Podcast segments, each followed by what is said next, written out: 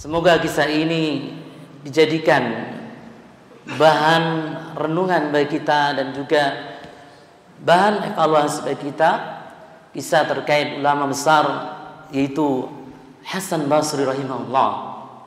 Hasan Basri rahimahullah beliau seorang tabi'in ya dari Basra tepatnya di Irak.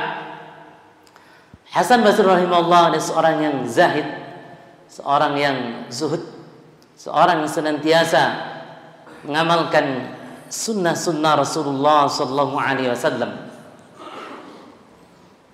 Hasan Basri rahimahullah memiliki tetangga. Tetangganya adalah Nasrani. Ingat tetangganya Nasrani, non muslim, ya. Jadi rumah Hasan Basri rahimahullah tembetan dengan tangganya yang Nasrani ini. Tangga yang Nasrani memiliki kamar kecil berada di lantai dua. Kebetulan atap rumah Hasan Basri rahimahullah bersambung dengan tetangganya yang Nasrani. Ya. Jadi ketika tetangganya Nasrani dia kencing ya rupanya saluran air kencingnya merembes meresap ya ke kamar Hasan Basri rahimahullah. Dan Hasan Basri rahimahullah setiap hari memerintahkan kepada istrinya untuk mengambil bejana bejana tersebut untuk menampung rembesan dan tetesan air kencing orang Nasrani tersebut Hasan Basri rahimahullah ya, berkata kepada istrinya agar istrinya tidak melapor kepada tangganya. Alasannya karena Rasulullah Shallallahu Alaihi Wasallam memerintahkan kepada kita untuk senantiasa memuliakan tetangga.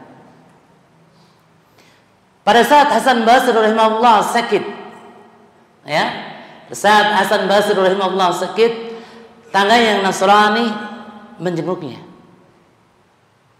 Kemudian ketika masuk kamar Hasan Basri, tangganya melihat ke atas, rupanya dia menjumpai ada tetesan air yang berasal dari kamar kecilnya.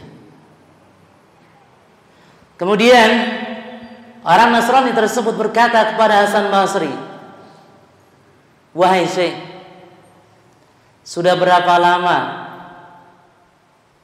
tetesan air berasal dari kamar kecilku mengenai kamar anda.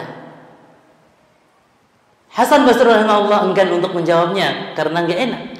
Kemudian orang Nasrani tersebut senantiasa mendesaknya. Sampai Hasan Basri rahimahullah berkata dengan suara yang pelan dengan suara yang lembut, sudah 20 tahun lamanya. Kenapa saya tidak menegur Anda?